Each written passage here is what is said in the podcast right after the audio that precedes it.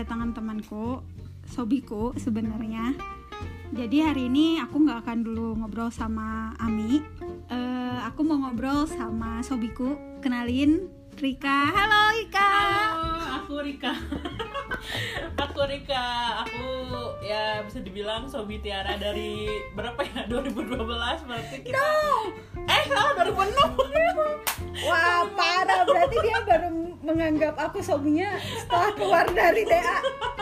2006, 2006 berarti kita Fine. udah mau 15 tahun sama 2021 ya kalau dia itu. Ya, ya, udah mau 15 tahun. Akan terus kan? Iyalah insya Allah sampai jana. Til Jana. iya, oke. Oke. Jadi kali ini eh, kita mau ngobrolin sebenarnya tentang eh, perempuan sih dan juga pendidikan nih sob. Nah kita kan kalau ketemu antara aku sama sob Ikok, Ikok nih eh, panggilan akrabnya ya, eh, biar teman-teman yang denger juga akrab gitu dengernya. Jadi sama sob Ikok ini kalau ketemu atau kalau eh, kita ngobrol gitu ya, itu bahasannya lumayan agak dalam ya sob ya Hmm. jadi ya eh, akhirnya kita berpikir gimana nih kalau misalnya kita, apa yang kita obrolin juga bisa kita eh, bagikan gitu ya sama teman-teman semua. Eh, mudah-mudahan teman-teman bisa dapat insight-nya nih dari apa yang kita omongin. Nah kali ini kita mau ngomongin tentang perempuan dan juga pendidikan nih sob.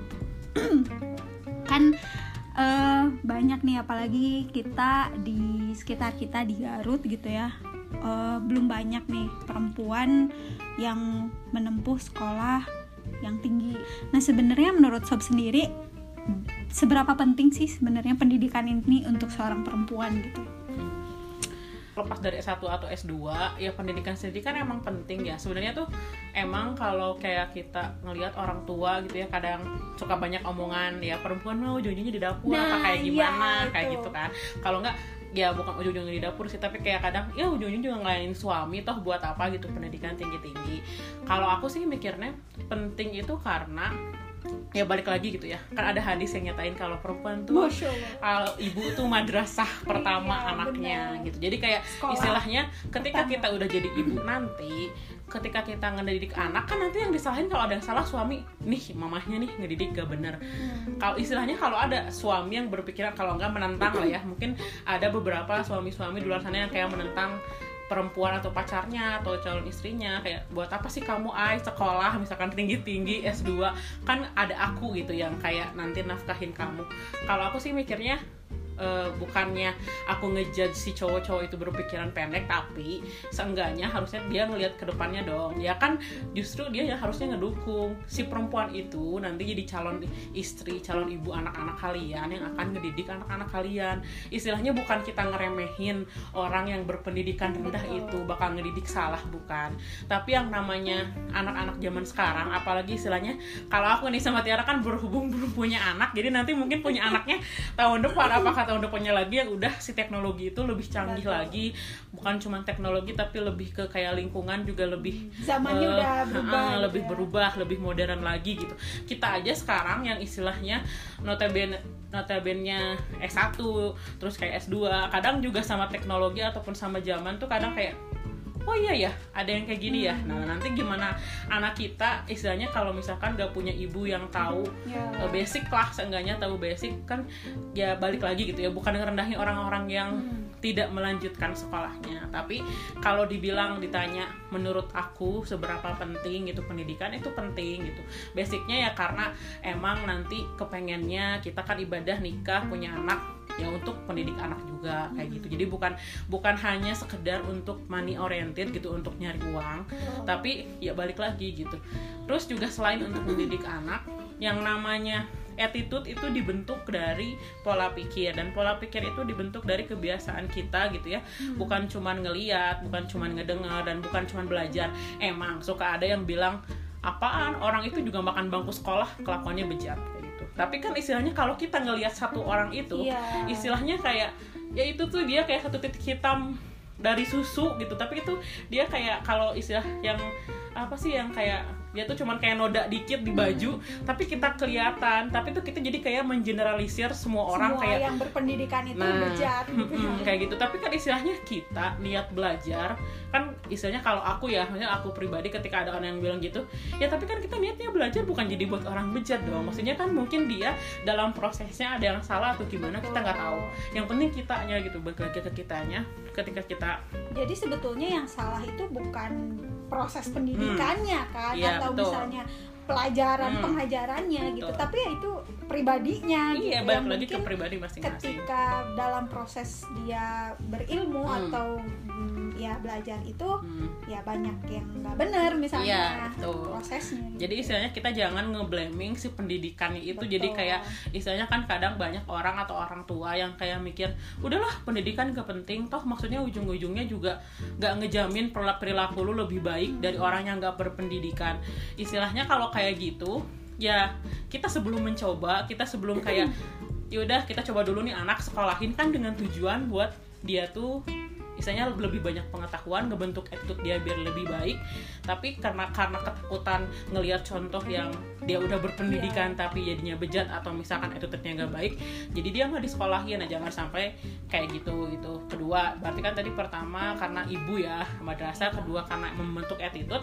Dan emang maksudnya selain membentuk attitude juga pola pikir. Kadang maksudnya bukan kita merendahkan istilahnya kayak Lagi-lagi ya kita garis bawahi. kita baras bawahi bukan merendahkan orang yang nggak berpendidikan kadang berpikiran sempit bukan. Tapi maksudnya ketika saya sudah alami sendiri saya juga kan maksudnya mengalami bekerja dengan orang-orang yang beragam pendidikannya kayak gitu Eh, bukannya kita kayak meremehkan istilahnya ya di mana cuma lulusan SD. Ah, bukan. Tapi maksudnya eh, ada keterbatasan. Istilahnya ada keterbatasan. Bukannya meremehkan, tapi ada keter- ada keterbatasan dan perbedaan. Ketika istilahnya kita komunikasi kayak gitu dan maksudnya nggak semua orang bisa membaur. Jadi ketika misalkan saya nih atau aku gitu ya berkomunikasi dengan yang beda pendidikannya, kalau akunya mau misalkan kayak balik lagi kan ke pribadi masing-masing akunya mau berbaur walaupun dia beda ya mungkin bisa. Tapi kadang ada orang yang kayak udah bermindset oh gue nggak nyambung nih ngobrol sama orang ini karena kita udah beda kayak gitu.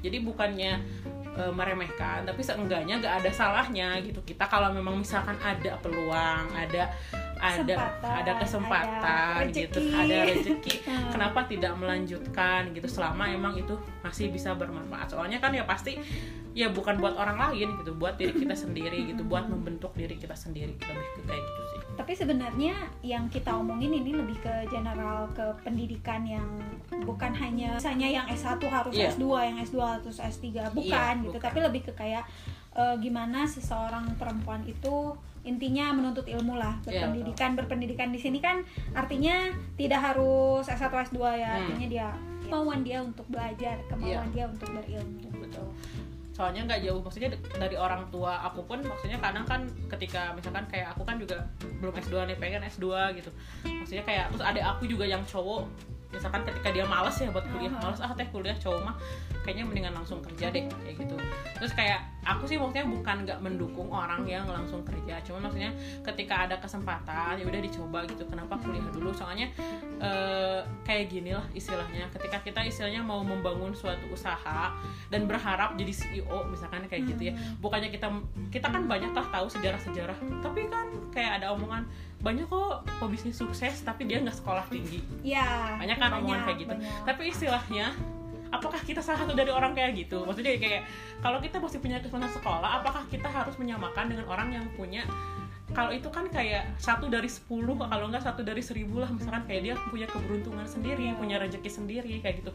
Dan mungkin emang kondisi dia waktu itu memang eh, tidak mampu untuk misalkan kayak Sekolah. sekolah dan tidak punya kesempatan. Tapi dia mungkin dengan kegigihannya dengan kerajinannya bisa mewujudkan misalkan kayak usaha yang sukses.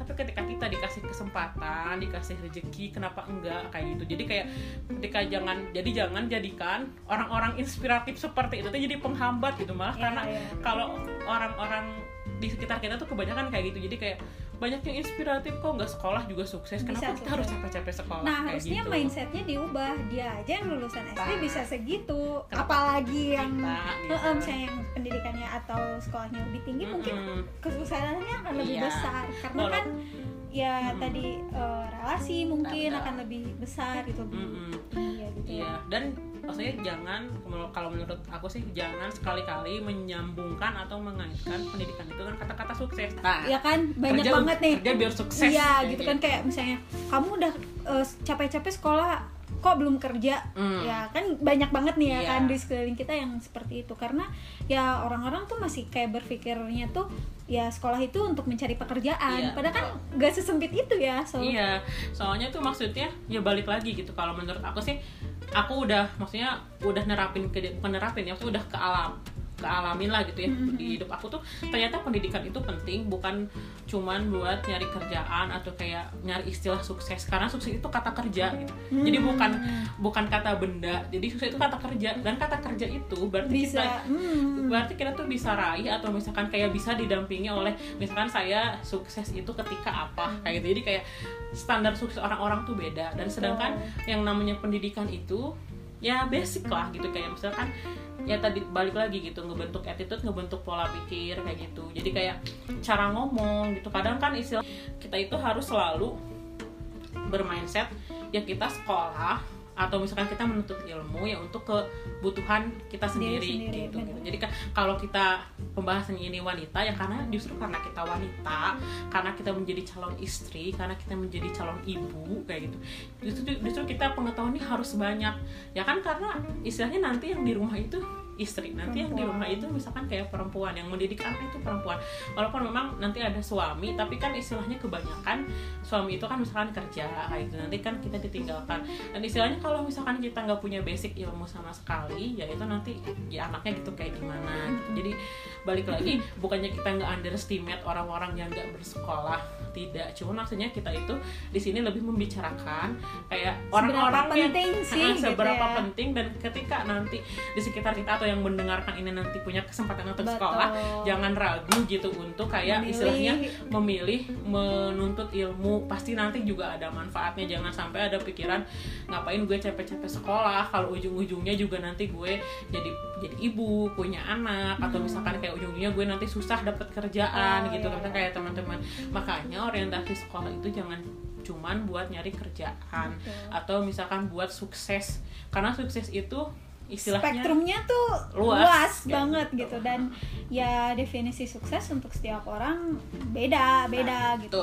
Dan kan tadi misalkan kita ngomongin sukses. Kalau kita ngomongin pendidikan atau pengetahuan kepenting kita buat mendefinisikan atau Hmm. misalkan kayak ngebuat standar suksesnya kita tuh butuh pengetahuan gitu. Maksudnya kayak ah, itu back lagi ya Ah, jadi jadi kayak kayak lingkaran buat nge-setting Oke, itu oke, kita oke. juga butuh pengetahuan makanya kita sebut pengetahuan atau pendidikan itu basic gitu buat Benar. kita eh, meraih mimpi-mimpi kita gitu jadi dia tuh betul. istilahnya eh, dasarnya gitu bukan bukan bukan jadi kayak bukan mutlak dengan kita bersekolah kita pasti eh, punya pekerjaan bagus Hmm. tapi istilahnya dengan kita seenggaknya bersekolah kita tahu caranya Hmm, bagaimana, bagaimana. mendapatkan pekerjaan Betul. yang bagus dan bagaimana mem- memilih pekerjaan yang bagus kayak gitu. Iya, setuju banget sih. Jadi eh, kalau aku bisa garis bawahi kalau bener kenapa pendidikan itu bisa sangat sangat penting karena ya itu tadi sih itu yang membentuk diri kita, yang membentuk pola pikir kita dan terutama eh, apa attitude itu tadi.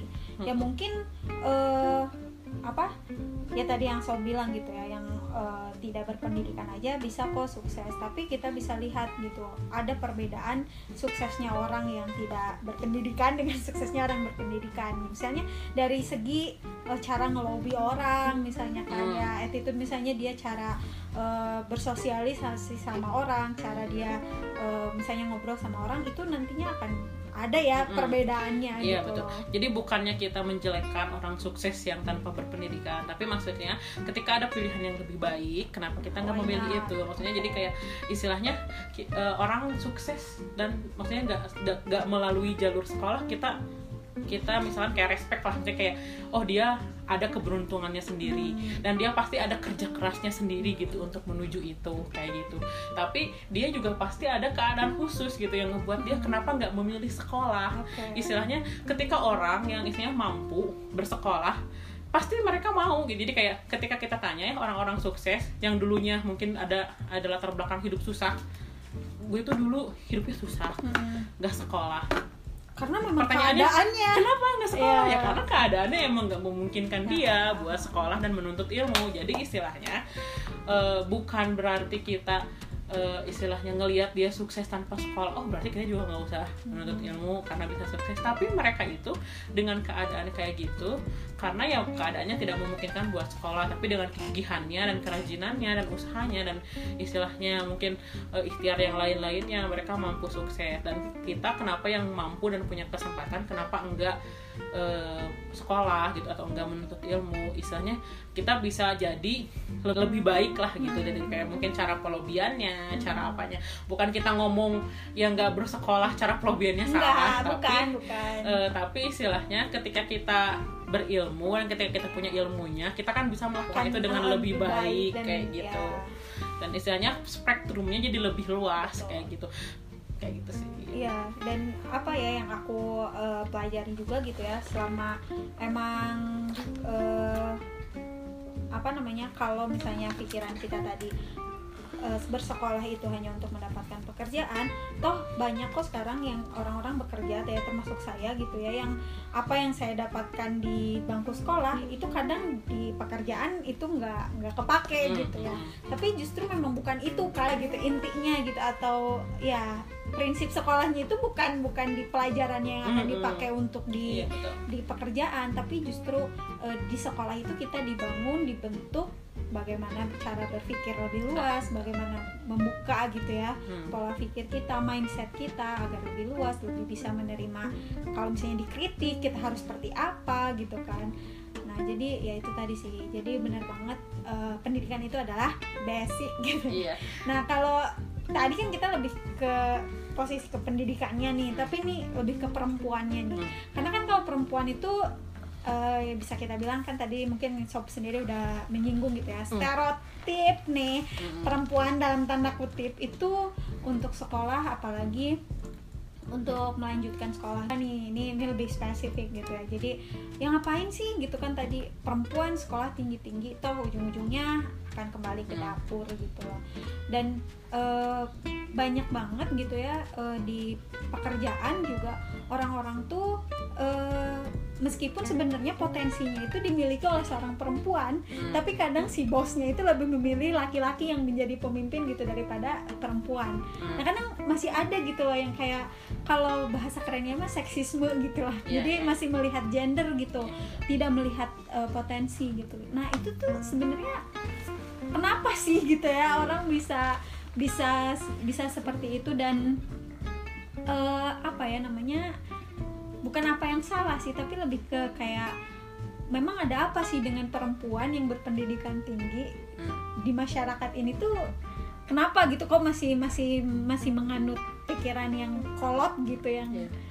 begitu gitu soalnya kalau menurut aku sih di Indonesia sendiri emang maksudnya masih masih ya masih menganut cewek itu ya lemah cewek itu kayak masih harus di bawah laki-laki gitu Oke. cewek itu maksudnya kayak masih belum nerima jangan kan orang kita gitu ya maksudnya aku gitu yang kerja di perusahaan luar negeri kadang bos aku pun maksudnya Begitu ya? salah satu gitu ya mungkin Mhm. ada beberapa yang kayak mikir emang dia bisa gitu karena dia Hmm, cewek kayak nah gitu itu. emang dia bisa kita dia cewek kan kita ya tapi ya balik lagi gitu karena kita itu eh, kalau kita sebagai karyawan gitu ya kita kan nggak bisa ngerubah pola pikir bos dengan istilahnya kayak eh, apa ya kayak istilahnya kayak ya ya jangan berpikir kayak gitu dong bosnya kayak gitu kan nggak bisa.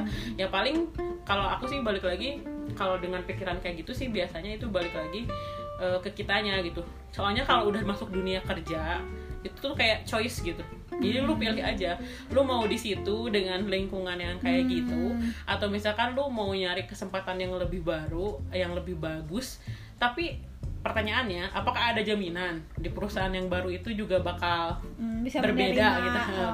bisa berbeda dari itu. Jadi istilahnya balik lagi jadi balik lagi ke improvement diri sih. Jadi kayak istilahnya kalau soalnya jangankan ya di Garut lah ya istilahnya. Di Garut yang emang masih banyak pikiran-pikiran kolot gitu. Di Jakarta di Cikarang gitu. Jadi kayak masih banyak orang-orang yang berpikiran kayak gitu. Entah HRD-nya entah bos-bosnya kayak gitu. Cuman emang eh, untuk ke sini ke sininya sih udah mulai berkurang. Cuman iya, iya, iya. emang nggak dipungkiri kalau misalkan di perusahaan itu banyak generasi-generasi yang udah mulai ah, istilahnya eh, tuh bukan tua istilahnya kayak bukan muda lagi Oh, gitu ya udah sepuh udah gitu senior ya. senior lah Senior, bahasanya oke. udah senior itu pasti ada ah, pasti ada pemikiran kayak gitu kayak gitu jadi kayak aku waktu aku kerja di rumah sakit sama aku waktu kerja di eh, manufaktur tuh beda jadi kalau di rumah sakit itu karena lebih banyak generasi generasi senioritas. senioritas jadi Oke. mereka tuh pasti gitu jadi nggak menerima eh, kadang kalau yang cowok nggak menerima ketika dia diperintah oleh seorang perempuan ataupun misalkan ketika generasi senior gak bisa menerima junior yang lebih Oke. eh, lebih bagus lah dari dia gitu ya. Si kerjaan dan itunya itu udah itu udah apa ya kalau di Indonesia tuh udah susah gitu hal-hal yang kayak gitu dirubah. Emang kalaupun emang mau kita merubah. Istilahnya kalau aku sih belajar satu ketika kerja itu ketika kita mau menjadi seorang roller gitu ya ya kita harus di atas dulu gitu kita nggak bisa ketika kita kita di bawah kita tuh Oke, oke. nggak bisa Oke, ngerubah oke. sih itu soalnya jadi waktu aku di rumah sakit ya paling yang bisa aku kayak lakuin polisi maker gitu ya aku buat oke jadi paling yang bisa aku lakuin itu ya udah aku tunjukin kalau aku tuh bisa gitu kalau Nah, tapi ya itu itu tadi kadang meskipun kita udah dilihat gitu ya Hmm. potensinya gitu. Oh ya kamu memang eh, layak gitu ya untuk dipromosikan Hmm. misalnya atau apa.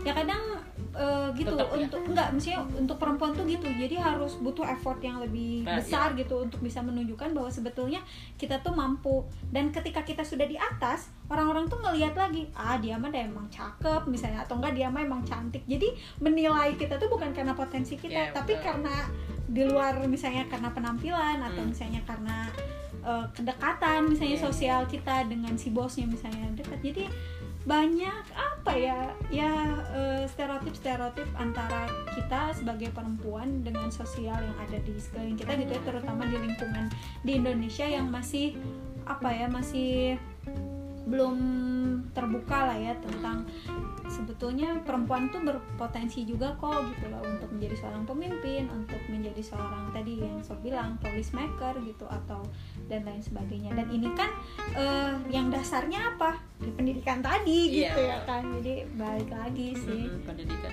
Jadi sih kerja tuh gitu juga gitu. Balik lagi ke laki-lakian juga. Kadang tuh kalau misalkan kayak kita laki punya atasan yang kayak kayak bentar laki sini tuh beruntung Iya, iya. Sorry sorry. Jadi campur aduk. Jadi tuh kadang kalau kitanya beruntung punya atasan yang open minded mau mendengarkan dan emang kebetulan dulu tuh aku beruntung gitu punya atasan yang mau mendengarkan.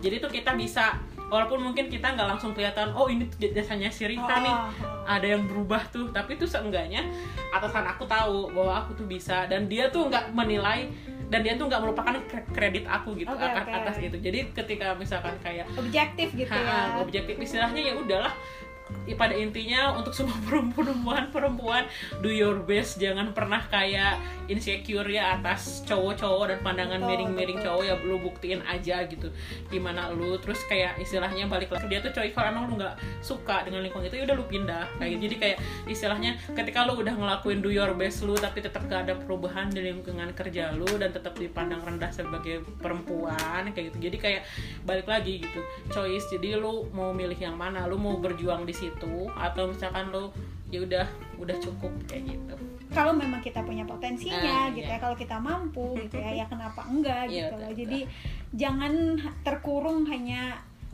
perempuan tuh lembut harus lembut bicara juga harus pelan Hmm. gitu nggak boleh eh, merintah-merintah kan nggak gitu kan Islam tidak tidak Iya. Membatasi tidak itu. iya dan tidak mengkotak-kotakan gitu Iya, betul. jadi ya untuk perempuan-perempuan di luar sana jangan takut karena eh, waktu itu sob aku pernah ikut kan salah satu yang waktu itu yang Unilever itu loh Oh, iya. woman nah, karena kebanyakan kan kalau engineer engineer itu Cowok. ya di eh, dom, apa eh, di ma- di domisili lagi.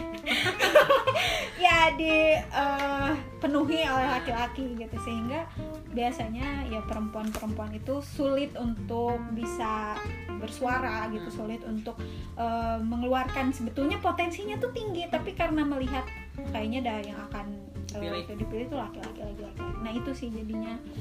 Di di ruang kerja pun mereka merasa ya, dibatasi ya, se- si perempuan ini tuh merasa dibatasi padahal sebetulnya kalau dilihat dari potensi itu eh, jauh lebih mampu misalnya Iya. dari laki-laki gitu.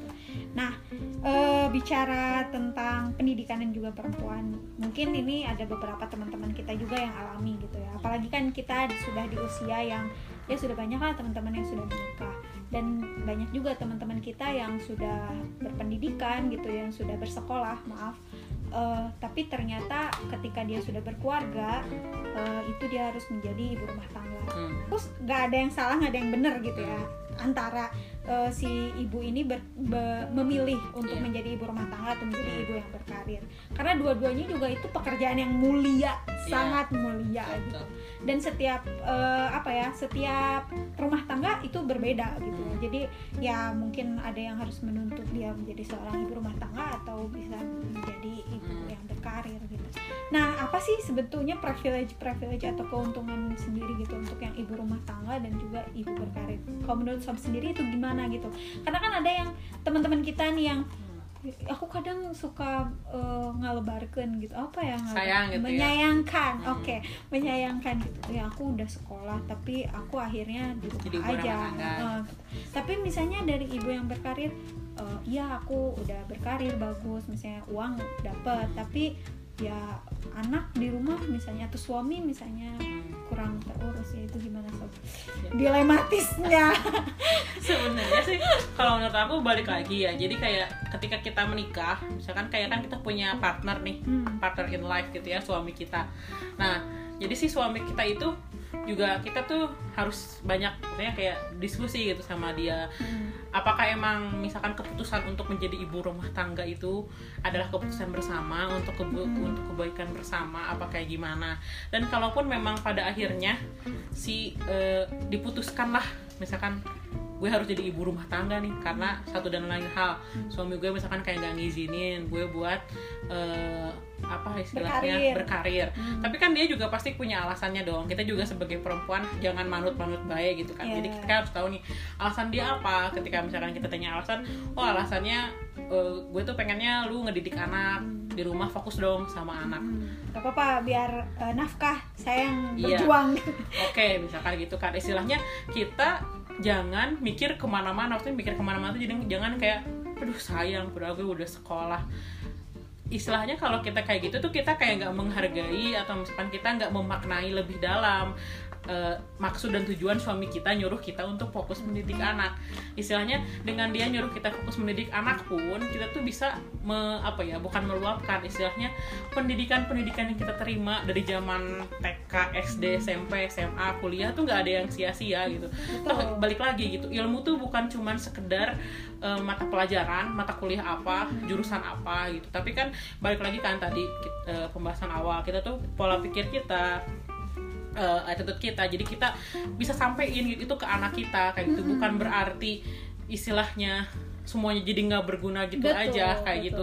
Istilahnya kayaknya tuh udah jadi ibu rumah tangga udah aja berhenti nah gitu iya. ya. Terus berasa nggak istilahnya benar. kalau ada orang yang berpikiran kayak gitu ya istilahnya kita harus ingetin lagi ya kreativitas lu jangan berhenti di situ dong. Kalau emang misalkan lu masih mau berkarya dan istilahnya oke nih gue udah fokus eh, ngurusin anak Jaga tapi gue anak. tuh kayak masih haus akan sebuah aktivitas yang istilahnya kayaknya tuh sayang gitu ilmu gue tuh belum ketularin semua kalau cuman ngurus anak istilahnya ada beberapa yang disayangkan kalau ya kan lu bisa mengadakan kegiatan di rumah misalkan apa istilahnya kayak mungkin bisa berbisnis apa jualan apa walaupun emang nggak mudah dimulai tapi kan bisa didiskusikan balik Iya. lagi gitu ke partner in life lu ke suami lu gitu gimana Nah, cara benar-benar. cara istilahnya cara itunya gitu cara apa sih istilahnya cara membagi Heeh, cara ya. membaginya kayak gitu. jadi kayak jangan sampai ada bahasa sayang banget nih gue sekolah capek-capek sampai S1 sampai S2 ujung-ujungnya gue nggak boleh kerja sama Iya, suami. istilahnya kalau kayak gitu berarti lu aja tidak. tahu gitu tujuan baik suami Ya. lu itu nyuruh lu nggak kerja tuh kenapa? Atau misalkan balik lagi lu nggak tahu alasannya apa tapi lu manut-manut aja gitu nggak kerja harusnya kan dan dia tuh memilih bahwa menjaga anak atau menjadi ibu rumah tangga itu suatu pekerjaan yang membebani ngerti nah gak sih iya membebani dan mungkin istilahnya jadi kayak nggak berarti gitu Betul. buat dia sedangkan padahal kan um Iya, itu Iya. kan istilahnya Mulia tugas yang sangat gitu. berat, tugas yang Eh. sangat mulia gitu ketika kita istilahnya mendidik anak, istilahnya ya udah nikah, hidup terus kayak kita sama jariah kita di siapa kalau bukan di, Di anak, anak, gitu. Jadi istilahnya banget. anak tuh investasi kita loh, investasi dunia akhirat kita. Jadi kayak jangan sampai kita lupa, kita jadi kayak mikirin gak bisa punya investasi usaha apa, tapi kita ngelupa anak tuh investasi penting yang kita bawa sampai alam kubur, alam akhirat kayak gitulah jadi istilahnya. betul banget Ya gitu. jadi eh, apa ya sebenarnya apa pun pilihan kita gitu ya maksudnya apakah nanti akan menjadi ibu rumah tangga atau ibu, ibu berkarir Hmm. gitu jadi yang ada yang salah gitu di antara Iya. kedua pilihan itu karena ya balik lagi itu adalah pilihan asalkan kita melakukan pilihan tersebut dengan kesungguhan gitu nggak sih? Dan Jadi- balik lagi, jadi ibu berkarir pun gak mudahnya tuh gini. Apa kalau aku ya cerita dari bos aku tuh dulu, Hmm. dia kayak ada guilty feeling gitu sama Banget. anak gitu. Soalnya kan istilahnya dia nggak full Ada, sama iya. anak, terus kayak istilahnya mau gak mau tuh peran peran kita digantikan oleh suster atau misalkan kayak oleh omahnya atau Hmm. siapalah istilahnya yang yang Ngejagain. yang replace kita buat ngejagain anak kayak gitu. Jadi kayak istilahnya balik lagi semuanya emang pilihan, balik lagi ke kita. Ketika kita emang ha- diharuskan atau misalkan dituntut jadi wanita karir, jadi kayak balik lagi kan kalau nik- nikah juga punya visi misi gitu. jadi kayak kita tahu tujuan dia baik dan kita bisa memaknai tujuan dia itu dan melakukannya dengan baik ya dengan wanita karir ya berarti kita harus jadi ketika kita milih wanita karir berarti ketika opsinya gini oh berarti kita nggak apa-apa nih anak kita istilahnya ada orang ketiga yaitu pengasuhnya. Hmm. tapi gimana caranya? Berarti kita kayak istilahnya quality time mungkin sama dia. Karena kita belum ngalamin ya jadi kita nggak tahu nih. Ya, cuman benar. karena Tapi, berdasarkan ya, orang-orang sekitar benar. sih kalau dari bos, eh, dari dulu mantan bos aku sih bilang kayak gitu. Jadi emang susah jadi wanita karir itu susah. Tapi emang kalau kita lihat teman-teman kita yang rumah tangga juga bilang jadi rumah tangga juga susah bosen Betul, kayak gitu kayak bosen dan kayak ngerasa eh, sia-sia gitu pendidikan. Jangan sampai juga teman-teman yang di luar tuh berpikiran kayak gitu. Jadi apa pun pilihannya tuh nggak ada yang sia-sia Betul, pada intinya gitu. salah. ketika kamu milih jadi wanita karir ya do your best in your career tapi jangan lupa kewajiban kamu tuh inti eh, dasarnya sebagai seorang ibu gimana kayak gitu. Jadi kayak apa ya balance Karena life lah gitu. sebenarnya ibu yang cerdas itu adalah yang tahu prioritas. Nah, betul. Gitu ya. Jadi mau apa pun kamu pekerjaan maksudnya entah itu sebagai yang berkarir Hmm. ataupun uh, rumah tangga ya tahu prioritas utamanya adalah keluarga. Ya, jadi betul. ya kalau bahasa uh, itu mah uh, full time-nya adalah di rumah Hmm. tapi menyambi sebagai uh, dosen misalnya Iya, atau enggak sebagai. Jadi itu hanya part time gitu jadi Hmm. full time-nya mah tetap di rumah. Jadi intinya tahu prioritas ya sob ya. Ya betul tahu prioritas dan istilahnya jangan sampai ya gitulah menganggap semua ilmu yang kalian dapat dari Sia-sia, zaman kecil banget. sampai sekarang tuh kayak sia-sia. Nggak ada yang sia-sia kalau kamu pandai untuk memanfaatkannya kayak gitu. Kayak untuk me- mengakumulasikan si ilmu-ilmu itu gimana biar transfer nih ke anak-anak kita ngebentuk attitude dia yang lebih baik membentuk per- pola pikir dia yang lebih baik kayak gitu.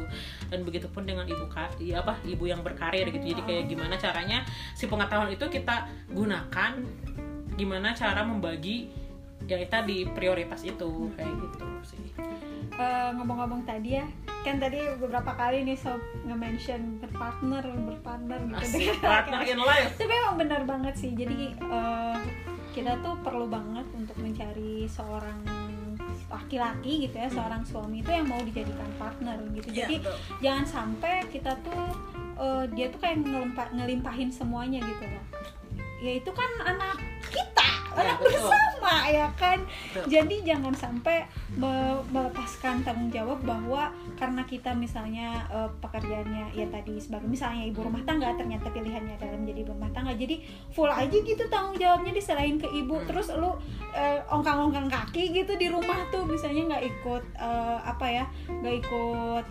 bersama gitu Hmm. bekerja sama dalam me- mendidik anak atau enggak ya melihat tumbuh kembang anak itu kan ini anak bersama bukan anak aku doang Iya, misalnya betul, gitu kan jadi ya itu bener banget sih so, penting banget untuk mencari seseorang yang mau berpartner artinya mau bekerja sama untuk ya membangun rumah tangga ini Iya. gitu ya apa pun ya job di luar tetap yang penting itu yang di rumah gitu. Iya. anak soalnya esensinya mau kita memusingkan entah berkarir entah berumah tangga balik lagi gitu. Suami itu adalah eh, supporter terpenting kita gitu ya. Jadi kayak istilahnya supporter. Iya jadi tuh kayak dia tuh harus tahu harus paham gitu. Harus saling paham dan harus tahu istilahnya visi misi ya rumah tangga itu yang bagus tuh ngarahnya ke mana. Jadi kayak jadi jangan sampai kita jadi punya partner yang diktator gitu jadi kayak dan kita pun manut-manut aja gitu. Un dong Iya, jadi Iya, jangan iya. sampai lah gitu jadi istilahnya Astagfirullahaladzim. ap- ada orang jadi apa pun harus di Iya, iya. harus didiskusikan dan bisa gitu disupport oleh partner in life kita kayak gitu jadi kayak ya benar jadi mendidik anak pun tuh bukan tugas ibu aja. Kan Iya. emang istilahnya ayah juga harus punya andil dan emang yang anak bersama dan emang dalam hadis pun juga disebutkan tugas mendidik itu bukan tugas mama tapi tugas ayah juga kayak gitu. Tugas bersama. Kadang kan suka gini sob kalau di lingkungan kita tuh ya di eh, Indonesia tuh gini. Kalau anaknya jelek maksudnya kalau anak dapat nilai jelek iya tuh anak siapa? Anak mama. Giliran anaknya sukses? Anaknya dapat Anak ranking ayah. satu. Oh siapa dulu atau ayahnya? Dia. Maksudnya ya ya kadang begitu gitu ada beberapa lah. Jadi nggak tahu sebetulnya ya prosesnya itu iya. seperti apa tapi karena yang dilihat adalah hasil gitu karena ya kan aku juga ikut berkontribusi apa yang kontribusinya? Ya kamu dapat seragam duit siapa? Ya kan? Kadang ya suka begitulah ada gitu. Tapi ya sekali lagi eh, mendidik anak itu bukan berarti hanya memfasilitasi dengan eh, apa eh, teknologinya misalnya atau dengan Iya. laptopnya dengan tasnya dengan bukunya gitu. Tapi kamu ada di situ hadir di situ mendidik bersama gitu ya. Itu sih yang penting. Karena eh, jujur aku tumbuh di dalam keluarga yang ibu dan bapak adalah pekerja dua-duanya gitu. Jadi sebetulnya kalau dilihat dari perspektif anak gitu ya itu agak agak gimana ya? Agak eh, kurang juga gitu loh antara hmm, apa yang mereka dalam eh, tumbuh kembang aku tuh mereka tidak semuanya hadir ada di Iya, iya. di masa-masa Di itu setiap gitu. momen betul gitu ya. gitu apalagi kan anak-anakku eh, di rumah tuh maksudnya eh, aku punya kakak aku punya adik gitu jadi kan fokus orang tua tuh nggak cuma di aku doang ya ada di saudara-saudaraku jadi ya itu sih bener keduanya punya privilege sendiri ya Hmm. sendiri-sendiri jadi entah itu mau jadi ibu rumah tangga atau ibu berkarir itu pasti punya keuntungannya masing-masing. Tapi tadi ya yang digaris bawahi jangan sampai ada merasa bersalah bahwa kalau yang berkarir itu sa- bersa- merasa bersalahnya karena meninggalkan anak dan kalau yang ibu rumah tangga mungkin merasa bersalahnya karena merasa eh, pelajaran atau pendidikan. Menyayangkan. Yang selama ini dia eh, dapatkan itu menjadi sia-sia gitu. Nggak ada gitu. Karena sebetulnya yang tadi ibu yang cerdas itu adalah yang punya prioritas gitu ya. Begitu ya iya betul. Aduh ini agak berat juga ya sampai pusing ini.